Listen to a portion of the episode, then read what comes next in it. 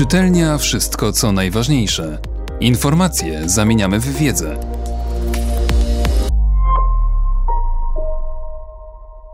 Profesor Andrzej Chwalba.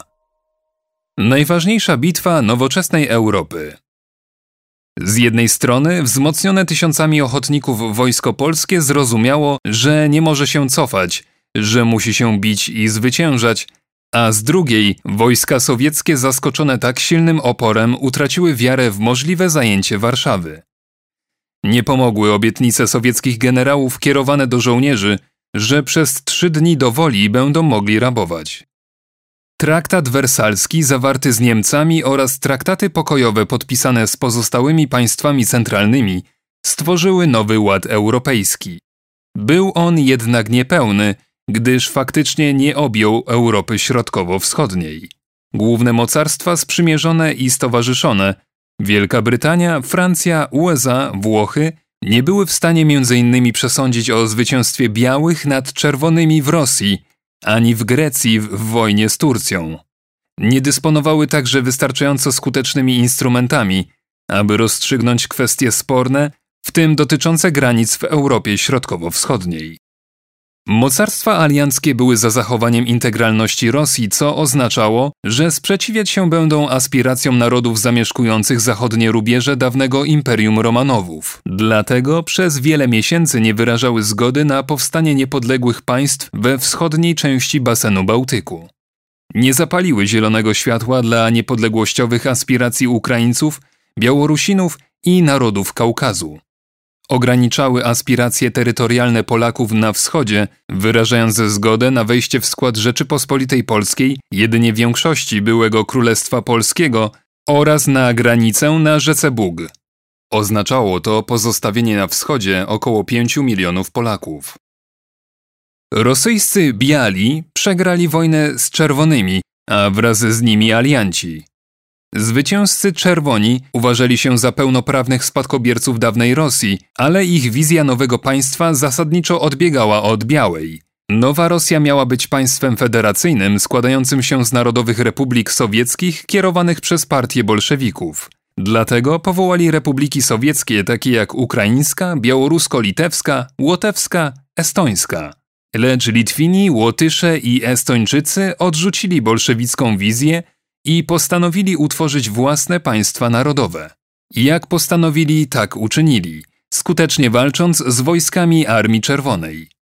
Po zakończeniu działań wojennych zawarli w 1920 roku traktaty pokojowe z Moskwą.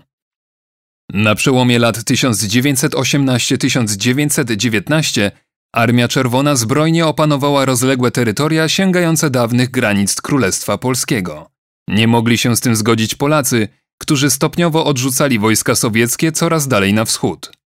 Jeszcze w 1919 roku zajęli m.in. Wilno i Mińsk. Piłsudski, wódz naczelny Armii Polskiej, liczył na to, że na wschodzie uda się uformować państwa narodowe, takie jak Litwa i Ukraina, które staną się polskimi sojusznikami. Miał także nadzieję na sojusz z Azerami, Gruzinami i Ormianami, ale jeszcze w latach 1920-1921 Armia Czerwona dokonała inwazji na niepodległe republiki kaukaskie. Litwa nie była zainteresowana przymierzem z Polską inaczej niż Ukraińska Republika Ludowa, URL, z atamanem Petlurą na czele. W kwietniu 1920 roku Polska zawarła z nią przymierze polityczne i wojskowe, Alianci nie uznali niepodległości URL i nie pozwolili, aby wstąpiła do Ligi Narodów. Poza Polską jedynie Finlandia i Łotwa uznały jej aspiracje niepodległościowe. Stolicą URL miał być Kijów. Aby tak się stało, ruszyły w jego kierunku sprzymierzone wojska polskie i ukraińskie, wspierane przez amerykańskich pilotów ochotników. Rozpoczęta 25 kwietnia 1920 roku akcja wojenna zakończyła się sukcesem i to już po kilkunastu dniach. Kijów został zajęty, co pozwoliło na zainstalowanie się tam władz ukraińskich. Kierownictwo bolszewickie stworzyło Ukraińską Republikę Sowiecką ze stolicą w Charkowie i postanowiło odbić Kijów. Na front ukraiński skierowano m.in. armię konną dowodzoną przez S. Budionnego. Jej potężne uderzenie zmusiło wojska sprzymierzone do ewakuacji Kijowa i środkowej części Ukrainy. W sierpniu sowiecka konnica zbliżyła się do Lwowa, najważniejszego miasta w tej części Polski. Początkowo kierownictwo sowieckie przewidywało, że wojska operujące na Ukrainie skierują się na północny zachód, w kierunku na Brześć, a następnie Warszawę, tak aby od południa wziąć w kleszcze główne siły polskie. Ale apetyt rósł w miarę jedzenia. Pod koniec lipca 1920 roku upojona sukcesami Moskwa uznała, że armie operujące na północny wschód od Warszawy są wystarczająco mocne, aby pokonać wojsko polskie. Bolszewicy uwierzyli, że zwycięstwo mają w kieszeni, gdyż w ich mniemaniu Polska nie miała rezerw i była prawie pobita. Uznali, że najważniejszym teraz zadaniem będzie zrewolucjonizowanie mas ludowych środkowej i południowej Europy. Zmienili plany, o czym świadczy m.in. list Lenina z 23 sierpnia 1920 roku do Stalina. Zinowiew, Bucharin i ja też uważamy, że rewolucję należy natychmiast nasilić we Włoszech. Osobiście sądzę, że w tym celu trzeba sowietyzować Węgry, a także Czechosłowację i Rumunię. Podobne zdanie miał Stalin. Nie inne Budionny, który już planował defiladę po zajęciu Lwowa. Tak się nie stało. Lwów się obronił, a wkrótce wojska Budionnego zostały powstrzymane przez wojska polskie, a następnie pobite. Do historii przeszła obrona Zamościa kierowana przez ukraińskiego generała Marko Bezruczko. Armia Czerwona zaatakowała także na froncie północnym. 4 lipca 1920 roku jej cztery armie dowodzone przez Tuchaczewskiego ruszyły na zachód. W ciągu kilku dni rozbiły znacznie słabsze wojska polskie i dalej nacierały. W miarę skracania się frontu wojska polskie stawiały coraz bardziej zacięty opór. U ich boku walczyły brygady kozackie oraz oddziały białoruskie i rosyjskie. Dodajmy, że sojusznicy bili się bardzo dobrze, a wobec polskiego dowództwa zachowywali się lojalnie. Czyli po jednej i po drugiej stronie frontu walczyły oddziały wywodzące się z tego samego terytorium i państwa, na skutek czego wojna nabrała charakteru starcia ideologicznego. 11 sierpnia 1920 roku Tuchaczewski wydał rozkaz do ataku na Warszawę oraz na przeprawy mostowe zlokalizowane w środkowym biegu Wisły. Był tak pewny zwycięstwa, że pozwolił już drukować komunikaty o tym, iż Warszawa została zdobyta. Tę fałszywą wiadomość zamieściły nie tylko sowieckie gazety, ale i niektóre tytuły europejskie. Prasa niemiecka już na kilkanaście dni przed decydującymi wydarzeniami informowała czytelników, że dni Polski są policzone, że z Warszawy uciekają zachodni dyplomaci, a na drogach widzi się tysiące uchodźców. Znak, że Polska upada. 13 sierpnia rozpoczęła się bitwa, która przeszła do historii jako Bitwa Warszawska. Z czasem została uznana za jedną z najważniejszych bitew w dziejach świata. W dniach 13 do 16 sierpnia wojska polskie powstrzymały atak na Warszawę oraz na przeprawy wiślane. Walki były niezwykle zacięte, a zwycięstwo jednej czy drugiej strony wisiało na włosku. W tych dniach dokonał się przełom psychologiczny. Z jednej strony wzmocnione tysiącami ochotników wojsko polskie zrozumiało, że nie może się cofać, że musi się bić i zwyciężać, a z drugiej wojska sowieckie zaskoczone tak silnym oporem utraciły wiarę w możliwe zajęcie Warszawy. Nie pomogły obietnice sowieckich generałów kierowane do żołnierzy, że przez trzy dni dowoli będą mogli rabować. Armia Czerwona liczyła na silne wsparcie ze strony polskich robotników, którzy, jak oczekiwano, zbrojnie przejmą władzę w Warszawie.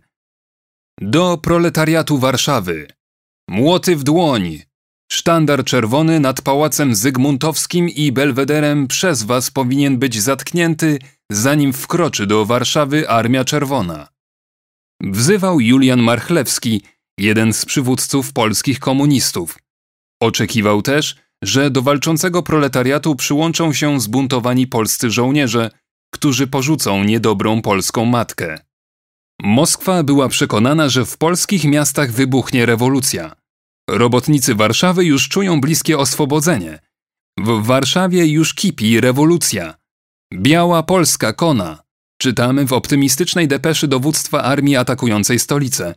w miejsce Białej Polski, jak zapowiadano, powstanie Polska Republika Rad jako część składowa Sowieckiej Federacji. Lecz nic takiego nie nastąpiło. Nawet robotnicy rolni nie stanęli w jednym szeregu z żołnierzami Armii Czerwonej. Co prawda powołano do życia Polską Armię Czerwoną, ale po kilku tygodniach z braku chętnych ją rozformowano. Ani Polacy, ani w szerszym zakresie Żydzi nie wsparli struktur organizacyjnych powstającego polskiego państwa Sowietów. W Białym Stoku polscy komuniści ogłosili powstanie tymczasowego Komitetu Rewolucyjnego na czele ze wspomnianym Marchlewskim i Feliksem Dzierżyńskim, który powołał w niektórych miastach lokalne komitety rewolucyjne, ale one również nie zyskały poparcia. Liderzy komitetu ruszyli na zachód w ślad za Armią Czerwoną, szykując się do przejęcia władzy w Warszawie, ale szybko musieli zawrócić. Polskie masy ludowe zamiast opcji bolszewickiej wybrały opcję narodową, chciały wraz z innymi warstwami budować niepodległą Polskę. Nie inaczej postąpiły sąsiednie narody, w których opcja niepodległościowa zwyciężyła nad opcją bolszewicką. Ortodoksyjni Żydzi, obawiający się nowych rewolucyjnych porządków, rzucili nawet klątwę na Trockiego Bronsteina, aczkolwiek zapewne się nią nie przejął. 16 sierpnia z rzeki Wieprz ruszyła na północ polska kontrofensywa kierowana bezpośrednio przez Piłsudskiego. W kolejnych dniach wojska sowieckie zostały pokonane i odrzucone. 23 sierpnia bitwa warszawska dobiegła końca, ale wojna jeszcze się nie skończyła. W kilka tygodni później wojska polskie ponownie zaatakowały, pokonując przeciwnika w operacji nazwanej Niemeńską. W październiku 1920 roku został zawarty rozejm. Ustalono prowizoryczną linię rozdzielenia wojsk, a w marcu 1921 roku podpisano w Rydze traktat pokojowy, który kończył wojnę. Trudno w nim dostrzegać wyraźnego zwycięzcę. Traktat ryski zamknął dzieje kształtowania się nowego ładu w Europie, który został nazwany wersalsko-ryskim. Ustanowiony w Rydze pokój na wschodzie przetrwał tylko niecałe 20 lat – kiedy to Związek Sowiecki ponownie zaatakował Polskę, a następnie sąsiednie państwa. Wojna polsko-ukraińsko-bolszewicka wywołała sprzeciw mas pracujących Europy i świata. Powszechnie solidaryzowano się z pierwszym państwem robotników i chłopów. Wierzono, że Rosja stanie się rajem na ziemi dla krzywdzonych i poniżanych. Na ulice miast Europy wyszło tysiące manifestantów żądających ukarania pańskiej Polski. Ręce precz od sowieckiej Rosji brzmiało powszechne żądanie. Także niektórzy intelektualiści europejscy wsparli słowem i czynem Moskwę, widząc w wojnie obronnej Polaków jawną niesprawiedliwość, oskarżając Polskę o imperializm i agresję. Już w 1919 roku znaczna część międzynarodowej opinii stała u boku bolszewików. I to byli nie tylko komuniści zrzeszeni w trzeciej międzynarodówce, ale liczni cywile zainteresowani pokojem. Te nastroje nie pozostały bez wpływu na politykę rządów w zachodniej i środkowej Europie. Niektóre nawet nie wyraziły zgody na przepuszczenie przez swoje terytorium transportów broni i amunicji dla Polski. Mimo polskich zabiegów alianci nie udzielili pomocy wojskowej. Formalnie nie byli do tego zobowiązani. Jedynie skierowali do Polski doświadczonych generałów z Wegą na czele, szefem sztabu armii francuskiej. Wegą i inni oficerowie pomagali w kwestiach technicznych i taktycznych, ale o strategii, o kierunkach i sposobach dalszej walki decydowało dowództwo polskie na czele z Piłsudskim i generałem Tadeuszem Rozwadowskim, szefem sztabu. Moskwa uważała, że bezpieczeństwo sowieckiej władzy w Rosji zostanie zagwarantowane dzięki przejęciu władzy przez komunistów w krajach Europy Środkowej i Zachodniej. Dlatego po uporaniu się z białymi stawiali na atak w kierunku zachodnim i południowym. Według kremlowskiego planu cała Europa miała stać się bolszewicka. Latem 1920 roku wydawało się, że może się to spełnić. Jakie były dalsze zamierzenia Moskwy w przypadku zwycięstwa pod Warszawą? Czy Rosja rozważała możliwość ataku na Niemcy i Zachód? I tak, i nie. Ostateczna decyzja o ataku lub jego zaniechaniu miała zależeć od rozwoju sytuacji rewolucyjnej w Europie. Wojna polsko-bolszewicka, szczęśliwie dla Moskwy, podniosła falę rewolucyjną na poziom najwyższy od jesieni 1918 roku. Gdyby w Niemczech ponownie wybuchła rewolucja, to z pewnością nad Sprewą, Odrą i Łabą pojawiłaby się Armia Czerwona, nie bez szans na zwycięstwo. Dezorganizacja państwa niemieckiego wywołana rewolucją komunistyczną oznaczałaby, że droga do komunistycznego Berlina stałaby otworem. Gdyby rewolucje wybuchły na Węgrzech, w Austrii, we Włoszech, to zgodnie z rozkazami Armia Czerwona po zajęciu Lwowa uderzyłaby w kierunku Budapesztu, Wiednia i Mediolanu. Trudno byłoby w tej sytuacji oczekiwać, aby wymęczone przez wojnę wojska alianckie, walczące w pacyfistycznym otoczeniu, były w stanie powstrzymać rozpędzoną Armię Czerwoną, zasiloną przez niemiecką, polską, węgierską i austriacką Armię Czerwoną oraz wzbogaconą o tamtejsze magazyny wojskowe i sprzęt wojskowy. Natomiast gdyby w wymienionych krajach nie wybuchła rewolucja, to Moskwa najprawdopodobniej nie zdecydowałaby się na atak. Dlatego też w sierpniu Moskwa wysłała depeszę do Berlina, że zamierza respektować dawne granice i przekaże Niemcom ziemię byłego zaboru pruskiego, które Polska odzyskała na mocy traktatu wersalskiego. Zwycięstwo w Bitwie Warszawskiej i operacji niemeńskiej oznaczało, że historia, która biegła coraz szybciej, zatrzymała się. Polskie sukcesy wojenne spowodowały, że Lenin nie został prezydentem Zjednoczonej Europejskiej Republiki Sowieckiej ze stolicą w Moskwie. W przypadku zwycięstwa Armii Czerwonej pod Warszawą los narodowych republik zlokalizowanych nad Bałtykiem byłby przesądzony. Co prawda, elity państw bałtyckich chciały wierzyć, że układy pokojowe z Czerwoną Rosją gwarantują im wolność i niezawisłość na wiele lat, ale w istocie miało to wyglądać inaczej. Upublicznione po 1991 roku przekazy źródłowe z archiwów Federacji Rosyjskiej nie pozostawiają żadnych wątpliwości. Wszystkie państwa nad wschodnim Bałtykiem miały być zlikwidowane. Gdyby nie Bitwa Warszawska i operacja niemeńska, tak by się stało. Polskie zwycięstwo zagwarantowało im niepodległość na kolejne 20 lat. Zwycięstwo pod Warszawą dla bardzo wielu w Polsce stanowiło zaskoczenie, gdyż nie każdy chciał wierzyć, że wojsko polskie stać jeszcze na tak wielki sukces. I dlatego w polskiej historii Bitwę Warszawską często nazywa się cudem nad Wisłą, tak jak wcześniej nazwano Bitwę Paryską 1914 roku cudem nad Marną. Czytelnia Wszystko co najważniejsze. Czytał Mateusz Mleczko.